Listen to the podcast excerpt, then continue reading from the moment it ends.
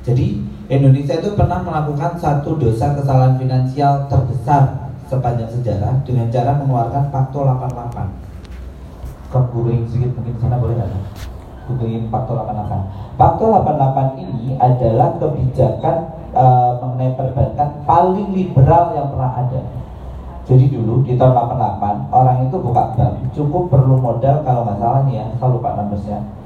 Uh, 200 juta dan 10 M. 200 juta buat buka BPR, kayak itu, 10 miliar untuk buka bank umum. Sehingga waktu itu di tahun 88 sampai 2008 kita punya hampir hampir kurang lebih uh, eh, 500 hampir 600-an bank yang ada di Indonesia. Ya. Nah, waktu tahun 88 sampai 98 itu kalau kita jadi pengusaha, saya butuh modal daripada saya pinjam ke bank, maka yang saya lakukan adalah saya buka bank. Benar? Kan ribet. Ini gua buka bank Lo terus buka bank nyari nasabah kan gimana? Ya kan gampang. Orang Indonesia itu kan paling gampang dikasih promo. Benar. Tinggal kasih mbak-mbak yang cantik. Oke. Okay. Terus kasih aja, ini ngomong kasarnya ya, kasih aja mbak-mbak yang cantik gitu. Terus kemudian kasih bunga deposito setinggi-tingginya. Bahkan waktu itu tuh pernah sampai bunga deposito kita itu 20-30 persen, bahkan ada beberapa bank berani sampai 50 persen. Jadi kalau bapak ibu kita, bapak ibu kita itu suka investasi itu deposito aja enak, bisa kasih income gitu kan, itu dia nggak salah, cuma dia nggak relevan. Ya, jadi jangan bilang dia ketinggalan zaman nggak. Kalau dibilang, oh, ibu itu kuno nggak ngerti itu orangnya marah tersinggung gitu kan. Jadi bilangnya, oh ibu itu benar, tapi sudah tidak relevan sekarang. Kan lebih halus gitu. ngasih tahunya. Jadi waktu itu yang dilakukan sama perbankan, mereka jual deposito setinggi-tingginya, kumpulin dana masyarakat. Bank itu kan nggak punya duit, benar? Bank itu nggak punya duit. Jadi kalau ada bank sombong marahin, lu kan nggak punya duit. Kalau nggak percaya nanti saya bukain laporan keuangan perbankan. Bank itu asetnya asetnya masyarakat dan dicatat secara konten adalah utang, benar ya? Jadi kalau kita beli saham, sahamnya perbankan, utang makin gede, banknya makin dipercaya sama masyarakat berarti ya kan? Karena fungsi bank itu intermediari. Nah, di tahun 88 sampai 98, ini ceritanya ini masyarakat saya bank ya. Saya ngomong main gini doang nih. Ini masyarakat saya bank. Eh, nabung dong saya. Bunganya berapa? 20 deh, 30 persen deh. Masuk. Duit masuk kan ke saya kan? Tugas saya supaya duit ini saya bisa balikin dan saya nggak saya harus ngapain? Jualan kredit, benar kan? Saya bilang ke Yosef, saya tak kasih kredit. Tolong dipegang Kejahatan yang terjadi secara masif dan struktur dari tahun 88 sampai 96 ya. Gongnya baru 97 98 tuh. Itu adalah insider lending. Jadi saya sebagai bank saya minjemin duit ke teman saya dan saya udah kasih tahu ya, ini tak kasih ya, bayar aja pelan, nanti kamu pelan tinggal. Makanya kalau ada cari tuh sejarahnya tuh jurnalnya ya 97 98 itu ada list buronan Indonesia yang mempelak-pelak bank tuh banyak banget. Benar. Benar ya? Yang ngemplang, yang nggak ngemplang. Kalau saya sih gampang, tinggal saya bilang itu ya Ustaz kabur kan, kan nggak pergi, duitnya bawa, saya tinggal diam ini. Saya ditipu, saya sedih. Gitu. Karena saya tinggal pasang muka drama, benar. Terus akhirnya apa? Government bantu dong. Kan lu masih izin gua, emang ini bisnisnya gagal mau gimana? Benar kan? Benar. Beli gagal, saya tuh nggak predik ini, ini. Akhirnya apa? Governmentnya ya gue salah ngasih izin gue gak awasin dengan benar akhirnya mereka lakukan apa itu utang IMF itu 98 dan ketika IMF masuk Bulog dikontrol, OJK dikontrol, BI dikontrol sampai 2006 APBN kita adalah bayar utang bayar utang IMF sampai 2006 ini numbers ya, ini bukan cerita politik, teman-teman bisa cari datanya dengan mudah. Ya, sampai 2006. Yang bikin negara kita hancur produknya apa? Utang, utang, benar? Deposito kumpulin, saya utangin nggak benar. Jadi bank itu makanya selalu disebut bank itu adalah jantungnya ekonomi. Karena bank itu yang megang duitnya masyarakat. Kalau sampai banknya nakal utanginya, nasabahnya macet, duitnya siapa yang ada? Duitnya masyarakat. Benar ya? NPL dari 2015 naik mending naik ya kan Mandiri dari 2015 belasan T per year write off menghapus utang Oke. write off utang per year buka aja datanya. Ada bang. Ya. Jadi yang paling yang paling yang paling uh, apa yang paling mengkhawatirkan dari saya adalah salah. Di kalau tahun 88 sampai 98 kita insider lendingnya parah sampai kita negara kita hancur, ya kan? Sebenarnya dari dari tahun dua setelah kejadian 98 tahun 2000 ya, setelah 2006 kita bebas dari IMF, Busri Busri Mulyani jadi menteri, itu udah langsung diperketat kan? Kalau ingat teman-teman dulu sampai kayak gini ada aturan orang BI nggak boleh meeting di luar, semua yang masuk ke BI dokumennya harus di scanning, bener nggak? Sampai kayak gitu kan? Karena itu biasa banget dulu untuk ngelolosin kredit dengan cara-cara kayak gitu tuh biasa. Biasa dulu di itu biasa banget hal kayak gitu, gitu kan.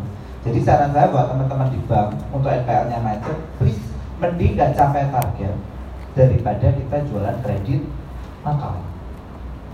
Karena kredit nakal, kalau sampai nanti negara kita kenapa kenapa, ya kan? Ya, salah kita loh. Benar kan? Ya, Kejadian ini ngejawab ada pertanyaan berikutnya berikutnya kenapa nggak rekomend reksadana ada tuh ada yang nanya kayak gitu selanjutin ini apa mana googlingannya tadi mana mandiri ini faktornya mandirinya kelihatan nggak mandiri rate of utang. Karena kalau nggak di rate off jadi rate off itu gini loh utang aja terus dihapus. Nggak diakui lagi sebagai utang. Enak kan? Lo orang punya orang itu yang bener kan kayak gitu. Yang ngutang sama yang ngutangin itu harus harus galakan yang ngutang ya, itu kan terjadi di bank. Kita dalam kehidupan sehari-hari doang bank sama ya kan ini ini penghapusan utang ditargetkan tutup karena setiap tahun kerjanya dia bang hapus supaya apa laporan keuangannya bagus ngerti kan supaya NPL-nya bagus. Ini baru satu bank loh ya. Kalau buka semua bank mau sakit. Nanti kita nanti. Ya, ini yang udah terjadi di sekarang. Nah, balik ke pertanyaan berikutnya, kenapa nggak rekomend reksadana? Dari tahun jadi setelah tadi ceritanya 2006 kita lunasi IMF kan sampai 2006 tuh nggak bisa macam-macam tuh dikunci asetan gitu kan. Karena IMF itu campur tangannya kelewatan ke negara kita. BI dicekin, OJK diurusin. Itu oh, beneran BKPM diliatin, bulog dikuasain oh, gila. Teman-teman baca jurnalnya uh, ASEAN Flu Crisis baca, baca jurnal itu. Ada jurnalnya mengenai apa yang terjadi 9697 waktu itu saya masih TK bisa nggak tahu. Cuma saya baca jurnal. Percaya kan? 9697 itu kejadian itu. Nah Lalu dua setelah 2006 Bu Sri jadi menteri ya kan? Sri Mulyani jadi menteri dirombaklah BI aturannya kan? Diperbankan. Sebenarnya jumlah kejahatan insider lending ini udah turun. Turun drastis udah cukup turun lah tapi masih ada pak sisa-sisa dosa kayak gini masih ada penghapusan utang kayak gini ini masih ada sisa-sisa dosa kayak gini masih ada ya kejahatannya berpindah ke mana berpindah ke pasar modal Lewat mana? Lewat surat utang. Jadi dari tahun 2012 kalau anda perhatiin itu sangat ngetrend fixed income bunga di atas deposito, benar ya? Tiba-tiba ada repo, benar ya? Repo properti, koperasi bunga tinggi, PN, MTN, KIK, EBA, you name it. Bank-bank jualannya kayak gini. Eh, Bank BRI jualannya kayak gini. Eh, Kan Jiwasraya itu udah pernah gagal bayar 2008 Di recover sementara 2012 dibenerin Solusinya Jiwasraya cara, waktu itu dengan cara apa? Ponzi scheme, JS Plan JS Plan itu kan nawarin Ponzi scheme aja sebenarnya, cuma legal. Fix income gede kan. Jadi itu modalnya cuma kayak gini. Eh ini fix di atasnya deposito. Masuk lah duit eh teman-teman jangan salah ya. Konjuntif itu nggak selalu illegal. Enggak. Yang legit dan legal itu banyak. Banyak lebih banyak. Ya, bukain The Wizard Liars. Nah ini cewek-cewek ini kisah JS Flat The Wizard Liars uh, Bernard Madoff. Ini salah satu Ponzi scheme terlama dan tercanggih di dunia. Dia punya nasabah Bernard Madoff kalau nggak lu cari aja. The Wizard Liars ya. Nah tuh uh, bukan bukan Bernard Madoff di Wikipedia aja nono kok.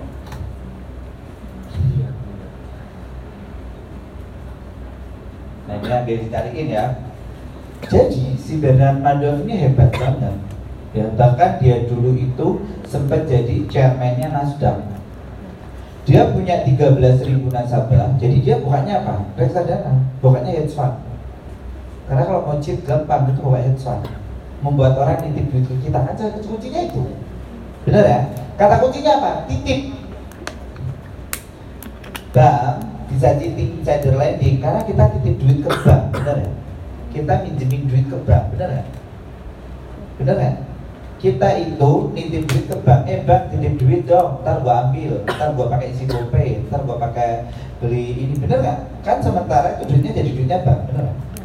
Titip ke bank, kita deposito, berarti kita kan ngutangin bank, bank tak kasih duit dong, tak pinjemin, kamu kasih aku bunga, itu biasanya kayak gitu loh. Kalian harus lebih sombong ya ke bank ya, jangan sebaliknya. Ya, kalau bank nawarin bunga tinggi, percaya pulang banknya lagi sepi dan nggak ada duit. Karena kalau banyak punya duit itu kayak BCA sombong, bener ya? Bener ya? Antri itu sana masyarakat antri dan gitu. Bener ya? Itu sombong, tuh banknya nggak sombong, kita banyak soal sombong ya. Tapi kalau bapak punya duit, kok disamperin, kasih kue kalau ulang tahun gitu kan, biar nambah deposito, bener ya? Sampai kayak gitu tuh. Kalau bank lagi susah itu kayak gitu nanti. Nah, Bernard Madoff ini, ini orangnya bisa lihat di booking nanti. Dia punya fund, punya KMI manajer investasi lampu reksadana gitu kan. Kayak gitulah kurang lebih. Dia punya nasabah 13 ribu. Bahkan nasabahnya ada yang perbankan. HSBC itu jadi nasabah dia juga. Sebenarnya hebatnya orang apa dia? Larry King itu jadi nasabah dia ya 13 ribu nasabah gede-gede seluruh dunia gitu kan. Seluruh dunia. Dia punya nasabah. Bahkan dia itu sangat dipercaya orang karena dia punya perusahaan uh, sorry punya yayasan kanker. Jadi dia nyumbang untuk orang kanker lymphoma itu kurang lebih 6 juta dolar per tahun. Makanya bentuknya adalah uh, the wizard of life. Karena benar-benar Mbak Dewa pak. Ya Mbak Dewa ya beneran Mbak Dewa dipuji-puji udah mesh gitu. Orang kayak gitu. Terus dia juga pernah jadi chairmannya Nasdaq. Bayangkan jago banget satu keluarga nih bapak ibu anak adik kakak semua. Satu keluarga. Jadi kumpulin duitnya orang. Sama dia dia apa? Di deposito itu doang di sini orang ini bayar. Ya udah kasih bunga. Duitnya jadi eh, orang ini orang ini masuk. Oke duitnya masuk kan? Itu kan? Oh dia waktunya bayar bunga. Ya udah ini ada yang nasabah baru masuk. Kasih ke dia bunganya ponzi itu kayak gitu. Terus. Ponzi itu kayak gitu. Jadi nggak dari real bisnis ngerti ya? Tapi dari muter-muter aja. Duitnya dia dibayarin. Oh dia waktunya bayar. Oke duitnya dia pakai bayar. Dia break oke duitnya dia pakai bayar. Itu banyak aja 38 tahun baru jebol ini the best ponzi in the world. The longest ponzi in the world. Ya kalau di Indonesia belum setangkap itu. Dua tahun tiga tahun jebol-jebol semua. Itu kejadian. Itu kelihatan. Dari pertama keluar itu saya udah bilang Sing, tunggu waktu aja. Karena orang Indonesia itu market MLM paling enak yang sangat diajarkan mengenai passive income. Jadi tuh di kita itu beneran masif loh ya, serangannya tuh masif. Mengajarkan investasi itu adalah indah, enak, kita tinggal duduk manis, bener ya. Kita diajarkan sama bahkan orang Indonesia itu sangat percaya sama namanya passive income, bener gak? cita-citanya kalau begitu dijelaskan kamu pensiun mau ngapain itu 90% itu bilangnya cuma gini punya kontrakan ya kan terus 10 pintu gitu terus mau tak gini yang kontrak hantu eh nggak tahu di udah banyak kontrakan akan nganggur sekarang, bener ya? Ya kan? Karena itu sangat tertanam dari kecil kakek nenek yang buyut tetangga lingkungan ngajarinnya sama. Makanya kenapa di Indo itu yang kelihatan nih dari 2012 investasi bodong dulu jebol nih. Operasi jebol Pandawa ya kan? Karena lebih gak canggih kan metodenya kan, bunganya kegedean kan. Cari nasabahnya kurang kurang cepat kan. Jebol dulu nih Pandawa jebol, teng, terus lanjut lagi terus kosong jebol jebol, teng. Terus kemudian surat utang gagal bayar, taksi ekspres jebol, dan dunia teh jebol, teng, jiwasraya jebol, ya kan? Wana Arta jebol, eh, lanjut aja kan Indo Surya jebol, tunggu aja kan logikanya gini, Pak kita itu bisnis, buka kedai kopi kayak gini cari untung 10% itu pingsan loh bener kan?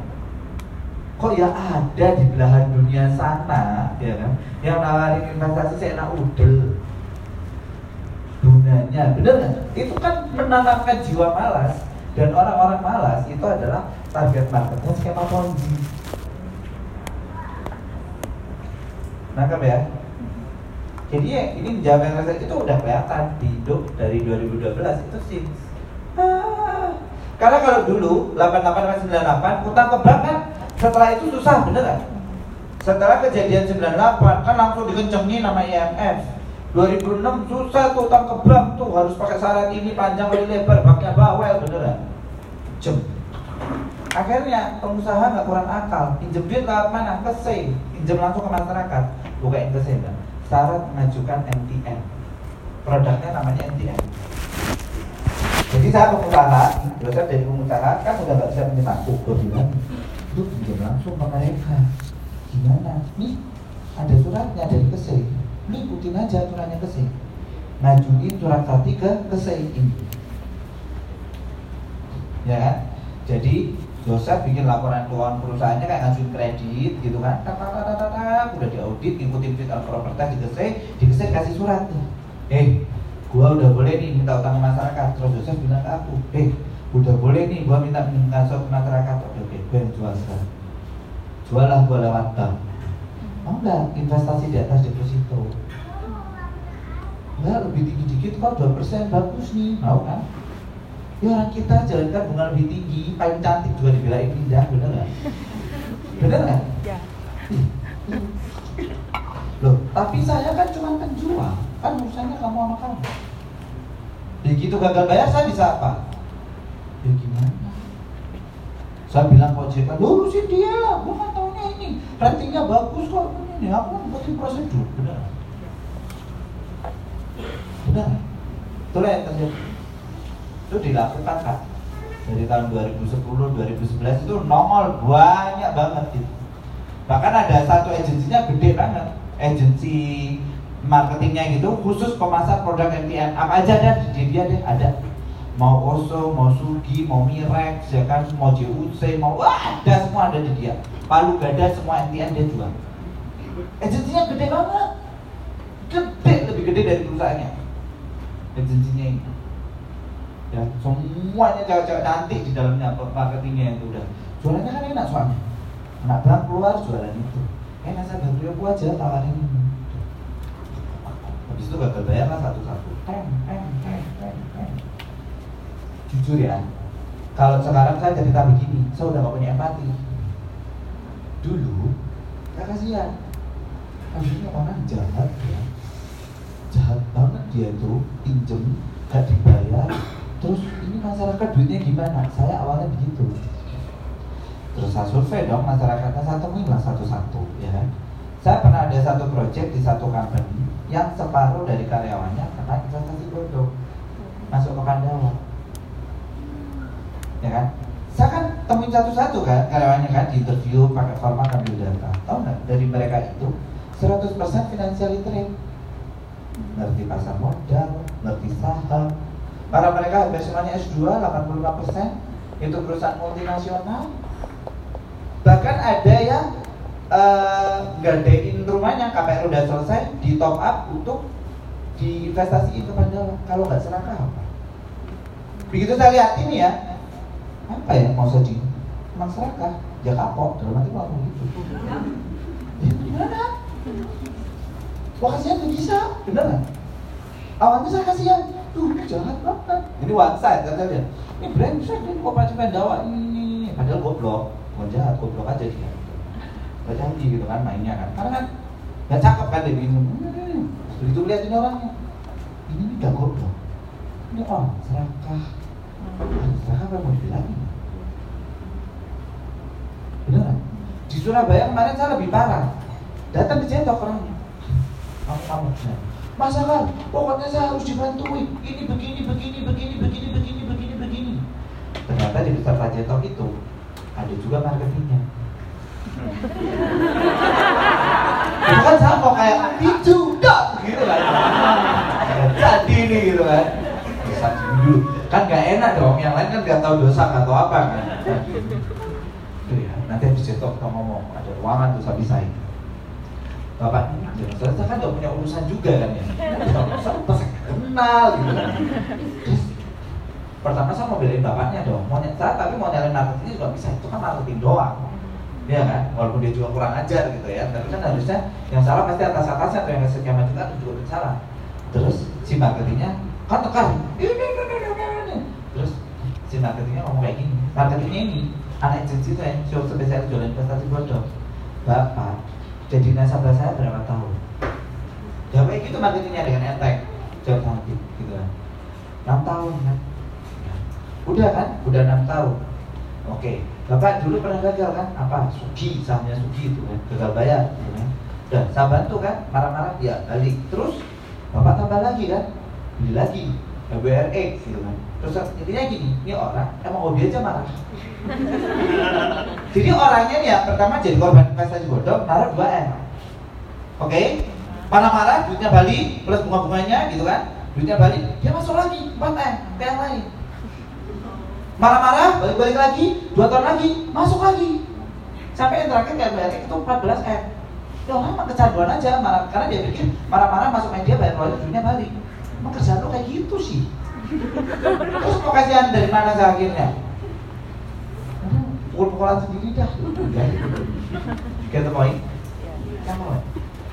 jadi saya sekarang udah berusaha karena keseringan ya keseringan ya. Kalau dulu ya empati lama-lama. Ya sudah belum tentu marketingnya yang salah belum tentu nasabahnya juga benar. Soalnya masih ketemu aja gitu pasar modal sama kan di saham sama kan kalau untung ikut gorengan cuan diem benar ya.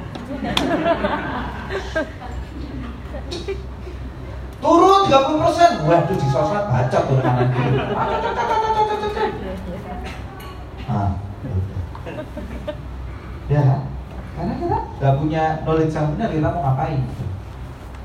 Jadi itu the biggest reason kenapa reksadana kenapa nggak kita ramaikan itu yang pendapatan tetap. Yang saham sama.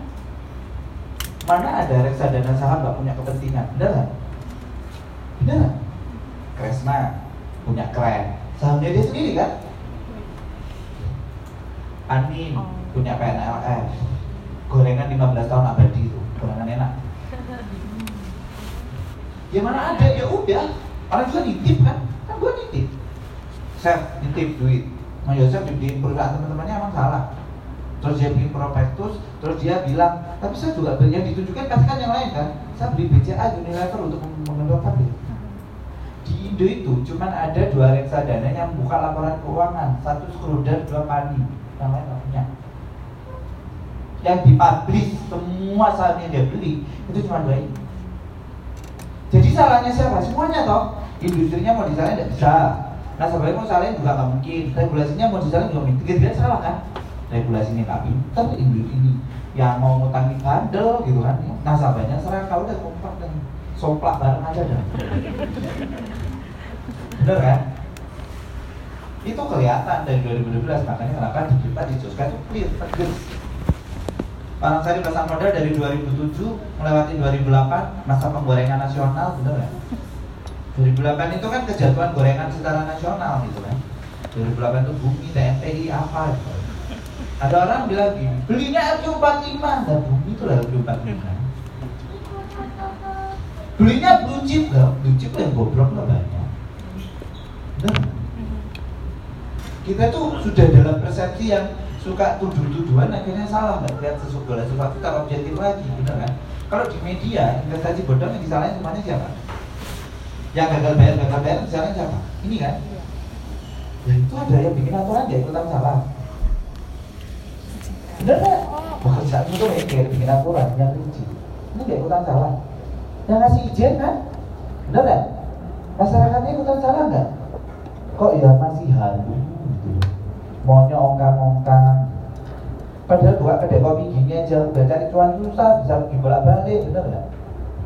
Bener nggak? Orang lo yang kerja beneran lo susah cari duit. Masa kita masih ngarepin return tinggi seenaknya mimpi siang bolong itu kan sebenarnya mengarahkan kita ke ya jadi kalau dari udah dicetok keluar jadi orang lebih lebih, objektif. Ya udah nggak usah halu-halu udah bener aja oke? Okay? oke okay, lanjut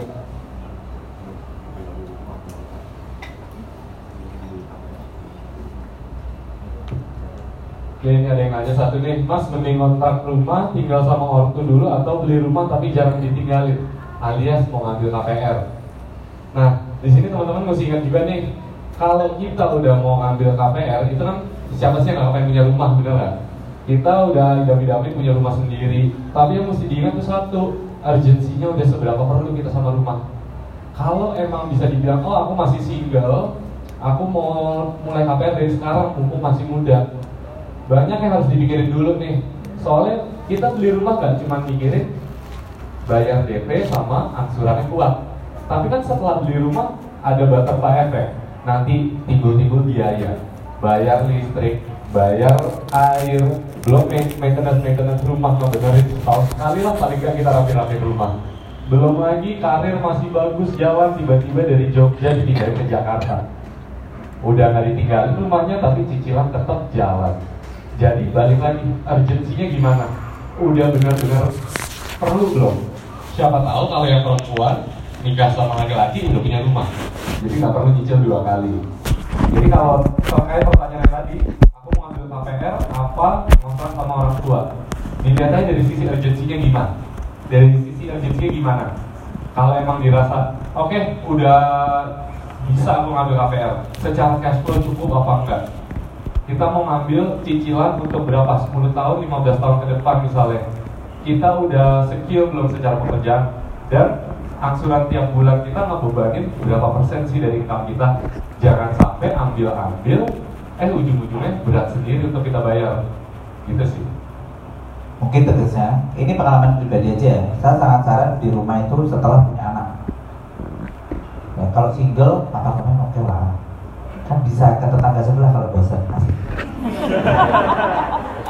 Bandel banget kan Oke. Nggak maksudnya kan eh, Single itu kita masih bisa main-main Masih mau loncat ke mana, loncat ke mana Bener nggak? Uh, karir mau ke mana. Pokoknya gini, kan, kan belum mau settle down juga ya Kecuali udah jadi sufi gitu Tiba-tiba mau settle down di Bali Ya silahkan gitu kan. Tapi kalau belum, masih mau kecicilan Nggak usah lah sama merit punya rumah tunggu dulu. Di contoh ya salah satu partnerku Mas Andre itu yang kerja di bank tadi. Mas Andre ini advisor Joska nih ya. Dia itu karena kerja di bank dapat KPR bunga rendah dia ambil. Nyicil kan dia KPR bayangin nggak dari umur 23 dia KPR bela-bela nyicil rumah itu sampai 50-60% dari gaji. Ya kan nikmati masa muda ya kurang indah kan ya kan kurang main karena udah tersandera sama cicilan gitu kan. Nah KPR itu nah umur 27 28 dia ternyata itu punya pacar ya kan? Punya pacar KPR masih jalan kan? Nah ternyata oh ternyata nama jodoh kan nggak tahu ya pacarnya ini anaknya orang kaya. Rumahnya di tengah kota ya kan? Setelah menikah sama mertuanya dikasih rumah harganya 10 kali sama yang KPR eh lu kalau nikah sama kaya juga miskin susah cuy. Bener nggak? Terus mertuanya ngasih rumah emang mau ditolak. Kan? yang lain mengharap semua ya kan jadi simpenan nih. Kita kan dapat legal misalnya. Nah kok masih ya kan akhirnya Mas Andri itu tinggal di sini di rumah itu terus dia akhirnya rumah yang itu tadi karena nggak ditinggalin jauh di tepi pula gitu kan. Dan ternyata rumahnya itu ternyata melanggar jalur hijau ngerti nggak? Ya biasa kan kalau rumah mau murah-murah pasti harus banyak yang dilanggar kan. Nah pas zamannya Pak Ahok itu rumah kan bisa dijual. Karena IMB itu kan bisa terbit sebenarnya gitu loh. Bermasalah tumpuk-tumpuk. Pas zamannya Pak Anies sama dia dijual kemarin jual rugi. Gitu kan. Tapi kebayang gak sih dia ngomong gini? Ya ampun mas itu dulu adegan beli plus bunga semuanya semuanya itu aku investasiin sekarang udah lebih udah bisa liburan ke mana-mana kali ya ya salah lu. Sukanya rumah di tempat buang anak ya mungkin kan mau nangkep ya? Ini contoh kasus saja. Dan kecil saya pun sama. Saya baru benar-benar beli rumah di Jakarta. Kalau di Malang saya beli rumah uh, dari awal nikah karena emang ada keluarga. Kalau di Jakarta saya baru beli rumah. Mau beli rumah itu gini. Mertua saya rumahnya gede 800 meter. Sendirian pula ya kan istri saya anak perempuan satu-satunya. Coba. Kalau kalau kalian cowok punya istri emaknya sendirian gak ada bapaknya satu-satunya pula salah nggak? Ngalah kan pasti kan akhirnya kan? Mama siapa yang nemenin dong? Mau tak jawab Hantu. Kan gak mungkin gitu kan Akhirnya saya tuh sampai beli rumah Cuma 5 menit dari mertua saya Beda apa Jadi saya beli, beli, beli rumah. Nah ini lucu juga nih Saya beli rumah ini uh, lucu banget nih. Cuma dari dari 2014 dari 2014 itu kan saya udah tahu data pertumbuhan KPR itu turun. Kan keluaran keluar data kan.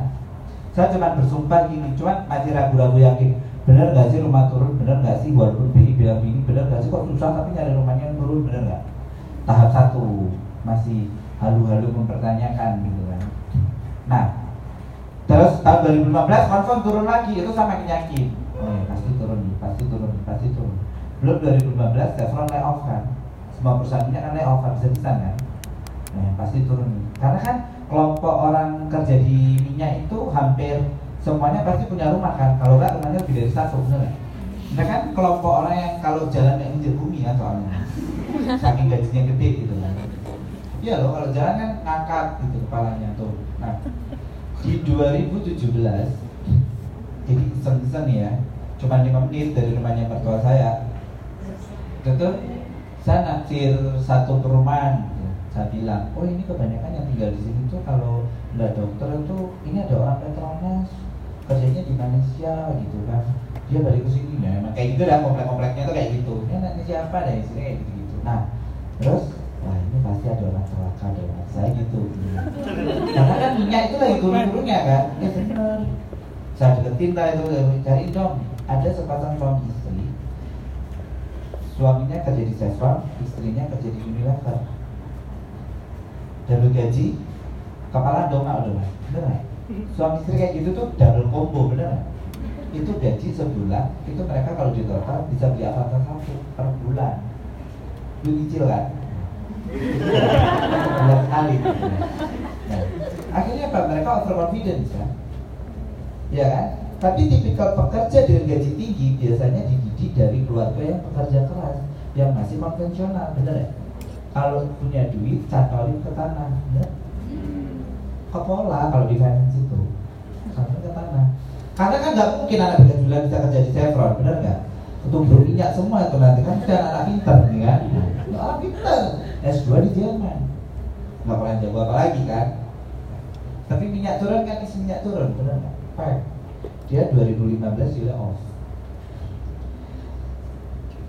Dari katakanlah gajinya 150 juta gitu ya 150 juta itu 90 juta adalah cicilan rumah. Satu rumah ditinggali. Ya dua apartemen belum jadi. Satu rumah yang saya beli ya satu rumah dikontrakin biasa. Ya kan didikannya begitu. Pasti anak pinter-pinter yang sekolah dengan beasiswa itu pasti didikannya begitu. Tidak bermaksud ngejudge tapi ini ada polanya di kita udah perhatikan ini.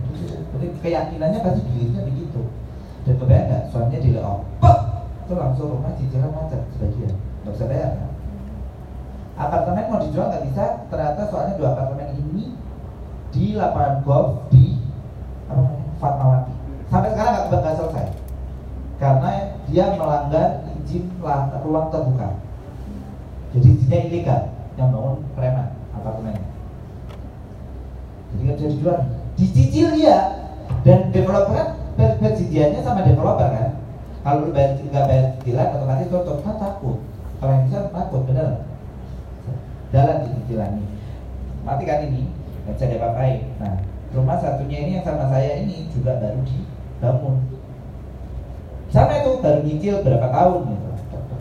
Intinya adalah cicilan tiba-tiba macet benar cicilan macet cari kerja cari kerja cari kerja nggak nemu. Orang yang dibikinin ketika tidak mampu ngapain masih muda rasa pintar pasti ngapain bisnis kan? Buka bisnis. Buka bisnis udah jatuh ketimpa tangga bubar pula bisnisnya.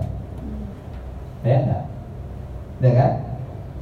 Cicilan gak kebayar utangnya nambah buka bisnis eh buka bisnis duitnya kurang. Mau nggak mau harus ngapain? Lego aset kan? Apartemen gak bisa dilego belum jadi. Ya. pilihannya rumah yang mau ditinggali harus dilunasi kalau mau hilang sudah nggak? Ya dia ada dua rumah lain kan? Oke? Okay? yang di kompleks saya itu yang paling mahal yang dia beli. Karena cita-cita dia pindah dari rumah lama ke rumah itu. Gila nggak? Kan orang itu gitu kan? Upgrade rumah kan? Ini lanjut ya. Nah terus yang terjadi adalah karena ini semuanya macet rumah ini mau mau dijual kan? Bayang nggak? 2015 di layoff denial kan? Ah enggak Tuhan pasti baik nanti ada jalan. Jadi cicilan diteruskan enggak benar nggak? Cicilan diteruskan sampai cicil sampai tabungan mendekati ajal benar itu fase pertama. Begitu tabungan mendekati ajal coba kita coba sekarang kita lepas satu deh buat tutup yang lain. Kalau orang BU propertinya lagi turun jualnya hancur kan ya kan? Orang rumah tangga biasa hidup finansial gak ada masalah tidak ada masalah gitu kan? Sapaan itu rasanya melempar sapu bener bener this guy this couple itu ketika datang ke saya itu going to divorce.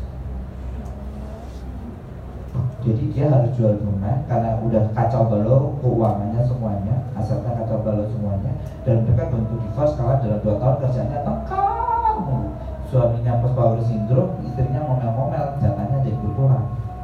Gitu kan? Udah deh. Saya kan harus tertawa di atas penderitaan orang tapi kuncinya apa? Kita tuh kadang beruntung dari orang yang greedy kan? Mereka ini orang yang kalau overconfident dan greedy ketika gajinya tinggi.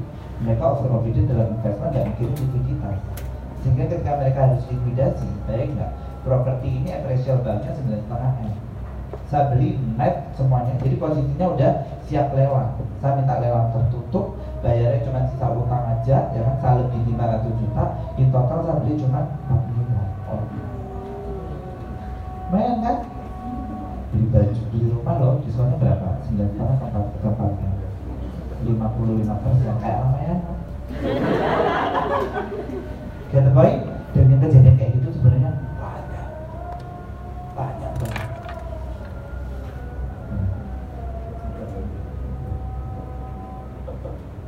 Oke, kita mau break dulu aja kali ya. Kita break dulu Tapi nanti kita mulainya jam 1 kurang 15 deh Biar agak lamaan ya Sesi berikutnya teman-teman boleh sholat Sama makan udah siap belum? Udah, oke. Okay. Ya boleh. Putar samping atau lagi sebentar ya keluar ke belakang. Putar kita juga dulu sebentar mau sholat sholat yang mau rokok rokok yang mau stres stres dulu oke selamat siang. Nah nanti balik jam satu